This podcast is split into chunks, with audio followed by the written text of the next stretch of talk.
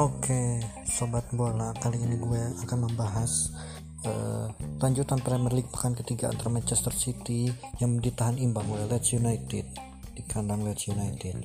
Gol yang dicetak oleh Raheem Sterling dari kubu Manchester City berhasil disamakan oleh gol dari Rodrigo Moreno. Langsung saja kita ke topik pembahasannya.